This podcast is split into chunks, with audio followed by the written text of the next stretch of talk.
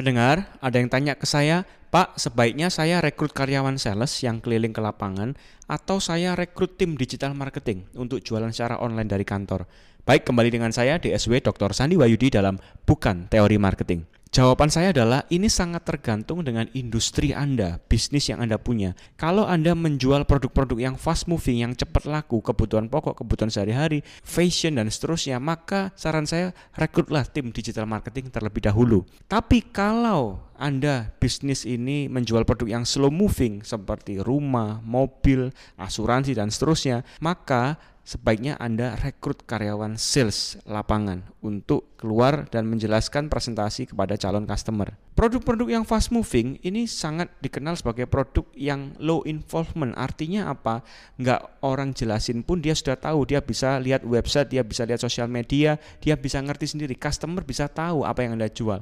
Tapi kalau Anda menjual produk yang slow moving seperti rumah, mobil dan seterusnya, maka itu adalah produk high involvement yang harus orang diedukasi terlebih dahulu, yang harus dijelasin terlebih dulu baru mereka tahu dan tertarik untuk beli. Rasio keberhasilan dari tim sales ini biasanya 10 banding 5 banding 3 banding 1. Artinya apa? Dari 10 orang yang tim sales kita temui, maka hanya 5 yang berani tanya-tanya lebih lanjut. Dan dari 5 itu hanya tiga orang yang berani nego dan hanya satu yang akhirnya deal.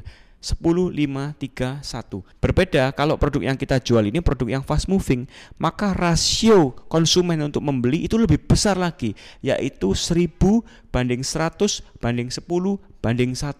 Artinya apa? Dari 1000 yang visit ke website Anda atau 1000 orang yang melihat sosial media Anda, hanya 100 yang kasih like atau 100 yang berani bertanya lebih lanjut lewat chat, lewat WhatsApp dan seterusnya. Dan hanya dari 100 tersebut hanya 10 yang berani nego harga dan dari 10 hanya satu yang deal. Jadi kalau kita ingin merekrut tim digital marketing, pastikan mereka punya banyak sekali amunisi database. Sedangkan kalau kita rekrut tim sales, maka pastikan kemampuan mereka negosiasi, kemampuan mereka presentasi, kemampuan mereka menjual, mereka dilatih dengan baik. Solusinya adalah sebaiknya rekrut satu dulu, tapi kita training skill mereka. Sedemikian kalau kita rekrut tim digital marketing, mereka juga punya jiwa sales dan mampu menjual. Dan kalau kita merekrut karyawan sales, latihlah mereka ilmu digital marketing supaya mereka bisa mendapatkan database konsumen yang jauh lebih banyak lagi dan mereka bisa follow up secara digital. Itu saja tips dari saya. Terus follow dan ikuti Instagram pribadi saya at @dsw Sandiwayudi.